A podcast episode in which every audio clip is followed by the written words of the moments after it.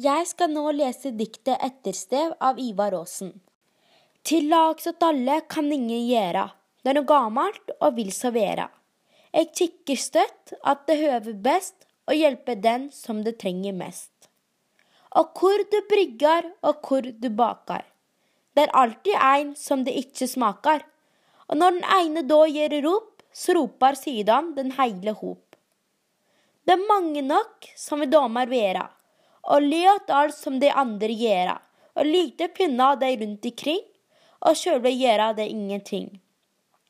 Ein får no høyra så mange griller, det dømer folk etter kledepiller. Er kufta gamal og kroppen grå, så skal ein mann nokon virdnad få. Skal alle ganga med kvite hender, så kjem det armod i mange grender.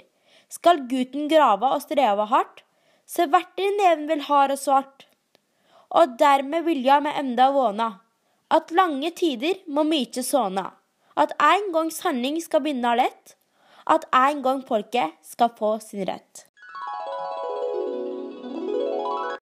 Diktet 'Ettersted' ble utgitt i 1875 av Ivar Aasen, som levde fra 1813 til 1896. Han var en norsk språkforsker og dikter og skapte det han kalte for landsmålet, altså det vi i dag kaller for nynorsk.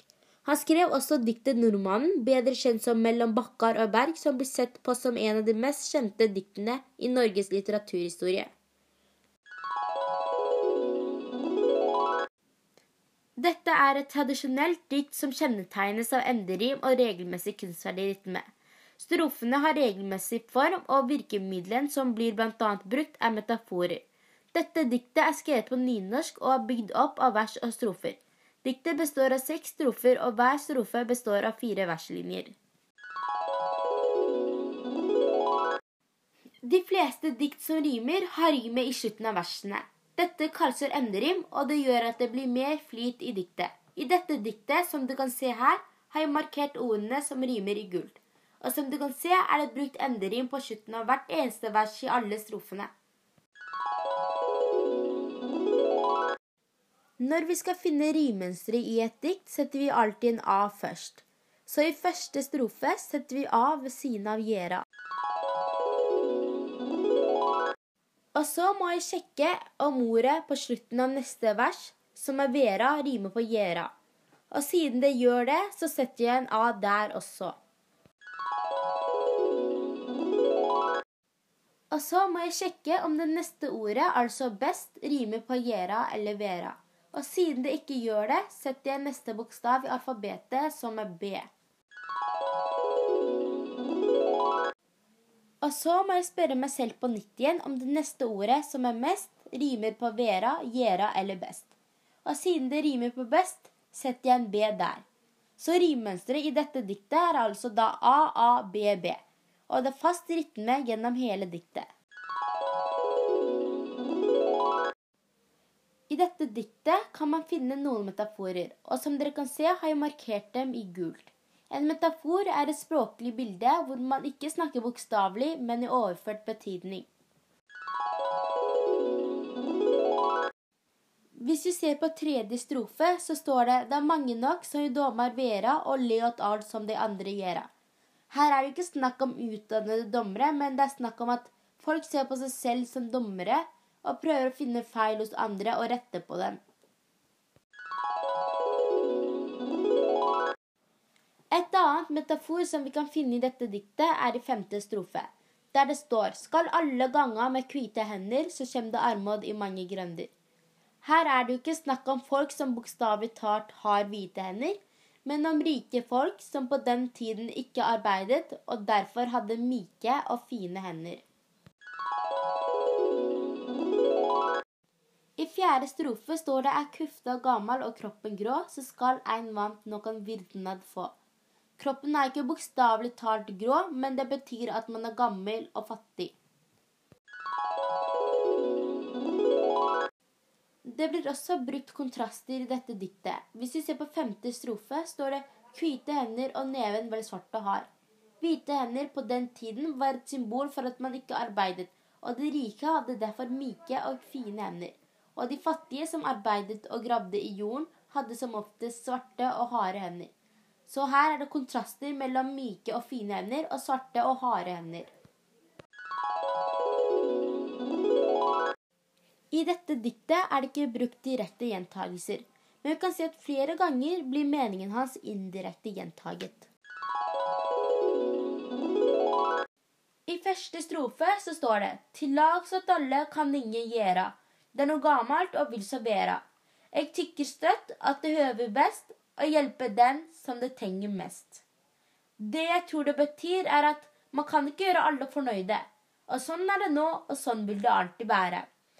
Han sier også at vi må hjelpe de som trenger det og behøver det mest. I andre strofe så står det Og hvor du brygger og hvor du baker. Det er alltid en som det ikke smaker. Og når den ene da gjør rop, så roper siden den hele hop. Det jeg tror det betyr, er at uansett hvordan du brygger, og uansett hvordan du baker, så er det alltid en som ikke synes det smaker godt. Altså så betyr det at uansett hva du gjør, så er det alltid noen som vil være misfornøyde. Og når en begynner å si noe som den personen er misfornøyd med, så begynner flere og flere å bli misfornøyde. I tredje strofe så står det Det er mange nok som vil domar vera, og le åt alt som de andre gjera, og lite finna deg rundt ikring, og sjølve gjera deg ingenting. Det jeg tror det betyr, er at det er mange som setter seg selv som dommere og leter etter feil hos andre, og ler av alt det andre gjør. De finner feil overalt, og selv gjør de ingenting. De sitter bare der og klager og sutrer og forventer at alle andre skal fikse feilene. Og selv tror de at de gjør veldig lite feil og er perfekte. I fjerde strofe så står det fær høyra så mange grillor. Det dømer folk etter klesfyllor. Er kufta gammal og kroppen grå, så skal ein mann noen vyrden han få. Det jeg tror det betyr, er at man får høre så mye rart. Mennesker dømmer folk etter klær. Hvis kuften er gammel og man ser veldig gammel, sliten og fattig ut, så skal det være veldig vanskelig å få ære og respekt i samfunnet. I femte strofe så står det skal alle ganga med hvite hender, så kjem det armod i mange grender. Skal gutten grava og streva hardt, så verter neven vel hard og svart. Hvite hender var et symbol på at man ikke jobbet på den tiden. De som ikke jobbet på den tiden, hadde hvite hender, og det var som oftest de rike. De jobbet ikke og gravde ikke jorden slik som de andre, og da hadde de fine og myke hender. Kvinner skulle helst på den tiden ha hvite, myke hender. Armod betyr fattigdom. Så det som står, er jo at hvis alle skal ha hvite hender og ikke arbeide, så kommer det fattigdom i mange landsbyer. For det var jo de som jobbet, altså de fattige, som skaffet penger til de rike. Så det var de fattige som gravde jorden og strevde hardt, og de fikk som oftest harde og svarte never og hender. I sjette strofe så står det Og dermed vil jeg med enda våna, at lange tider må mykje såna at en gang sanning skal vinne rett, at en gang folket skal få sin rett. Det jeg tror det betyr, er at dermed vil vi enda håpe at med tiden må det bli bedre. At en gang må sannheten vinne lett, og at en gang må folket vinne rett. Det er masse urettferdigheter i verden, og det er ikke greit at de som f.eks. arbeider, skal få kjeft for det.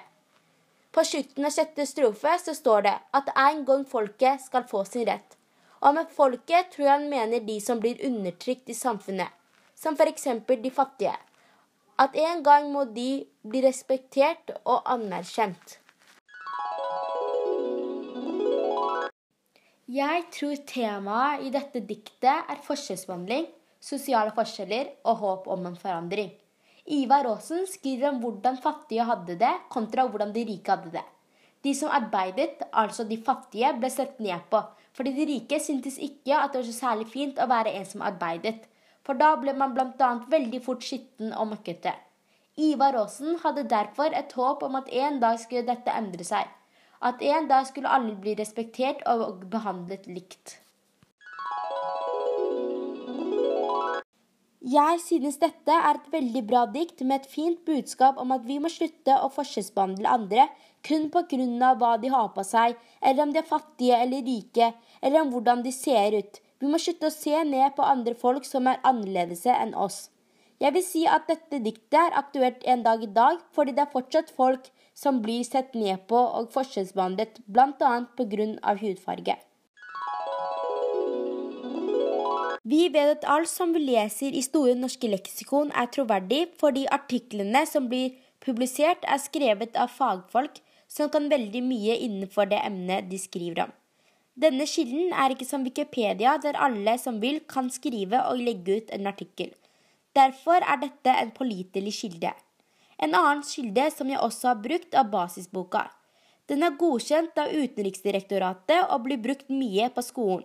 Derfor er denne boken en pålitelig kilde.